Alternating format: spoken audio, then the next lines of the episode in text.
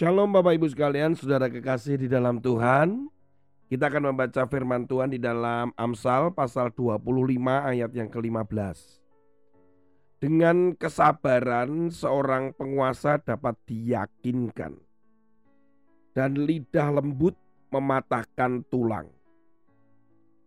Kalau disimpulkan dari dua ayat ini, untuk kita bisa mempengaruhi ya kalau kata mempengaruhi itu cenderung negatif ya. Tapi setidaknya ketika kita itu memiliki pemimpin atau ketika kita punya otoritas di atas kita bagaimana sih kita bisa menyampaikan sesuatu? Mungkin saja itu pimpinan di perusahaan manajer atau mungkin supervisor saudara mungkin juga orang tua atau pokoknya orang yang berkuasa lah atau mungkin di gereja, gembala, pendeta dan sebagainya. Harus hati-hati, ada dua hal yang kita harus belajar yang itu ditulis oleh kitab Amsal. Yang pertama adalah berbicara waktu. Karena dikatakan di sini adalah kesabaran. Kesabaran ini berbicara waktu. Yang kedua adalah kata-kata. Di situ dikatakan lidah lembut. Jadi kita nggak bisa sembarangan ya, langsung usul, langsung memprotes, mengkritik.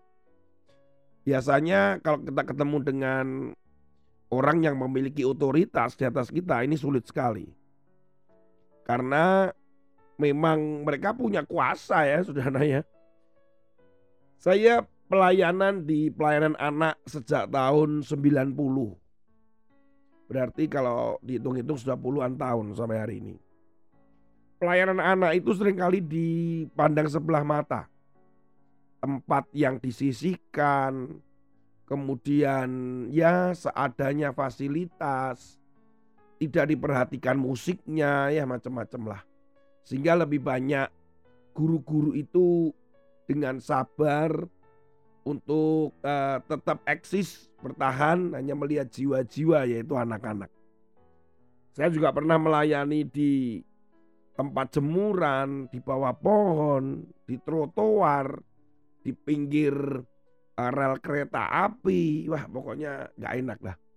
Rumah kontrakan yang kotor, berdebu. Pokoknya sekolah minggu itu sering kali atau pelayanan anak itu dipandang sebelah mata.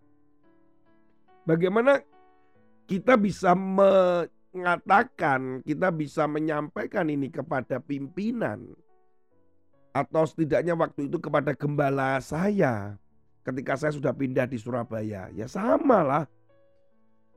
Ketika pelayanan di anak-anak ya tetap aja banyak gereja juga masih memandang pelayanan anak itu di sebelah mata. Saya perlu kesabaran untuk menyampaikan betapa pentingnya anak-anak ini. Kami juga berdoa kesabaran kami itu dibuktikan dengan doa-doa kita berdoa buat gembala, kita berdoa untuk ini, untuk itu. Terkait dengan bagaimana kita bisa berharap bahwa gembala itu memiliki hati dan ya eh, perhatianlah kepada anak-anak itu. Berawal dari doa-doa yang dijawab itu adalah ketika gembala senior kami pada hari itu saat perjamuan kudus kemudian memerintahkan atau menginstruksikan gitu ya. Anak-anak perjamuan kudus, maka guru-guru sekolah minggu membawa anak-anak itu naik ke atas di hall orang dewasa. Saat itu anak-anak diminta untuk perjamuan kudus bersama dengan orang tuanya. Yang mana sebenarnya itu bertentangan, ya tidak sesuai dengan aturan dari gereja kami waktu itu. Tetapi dijalankan aja sampai saya tanya, lu kenapa kok anak-anak perjamuan kudus? Ya gembala kami cuma berkata ya saya disuruh Tuhan. gitu ya saudara. Wah itu di situ saya mulai gini, wah ini mulai nih mulai. Gembala mulai mendengar suara Tuhan tentang anak-anak nih gitu saudara. Padahal kesaksiannya yang luar biasa itu menjadi gereja yang gede, menjadi jemaat yang lebih banyak itu diawali dengan pelayanan anak loh gembala ini. Tapi ya anak-anak cuma disisihkan.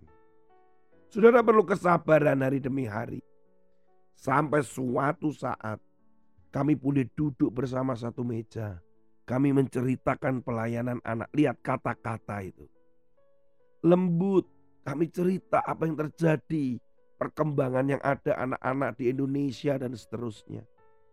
Saudara, mulailah di situ terbuka. Kami mulai disediakan tempat sekretariat setelah bertahun-tahun kami nggak punya sekretariat. Kami nebeng sana nebeng sini alat-alat sekolah minggu dan sebagainya kami nggak tahu harus nyimpan ke mana. Kami disediakan tempat. Walaupun tempat itu sudah diinformasikan beberapa tahun kemudian akan dibongkar. Nggak masalah. Yang penting kami punya kantor. Kami mulai punya kantor, disediakan tempat, ada full timer di situ. Kami mulai diperhitungkan apa yang menjadi doa kami dengan kesabaran itu. Dan kemudian dengan lembut kata-kata yang disampaikan. Semuanya menghasilkan. Si penguasa dapat diyakinkan. Dan tulang-tulang dipatahkan. Saudara, itu hanya sekelumit kesaksian yang pernah kami alami. Ada banyak sekali ketika kami berhadapan seperti tembok sulit pemimpin kami, ketua. Tetapi ingat, ada dua hal yang kita harus perhatikan yang kita belajar pada hari ini. Waktu dan kata-kata. Sabar dan sampaikan dengan lembut. Jangan lupa semuanya itu juga kesabaran dalam doa. Kata-kata yang minta hikmat dari Tuhan. Tuhan Yesus memberkati. Amin.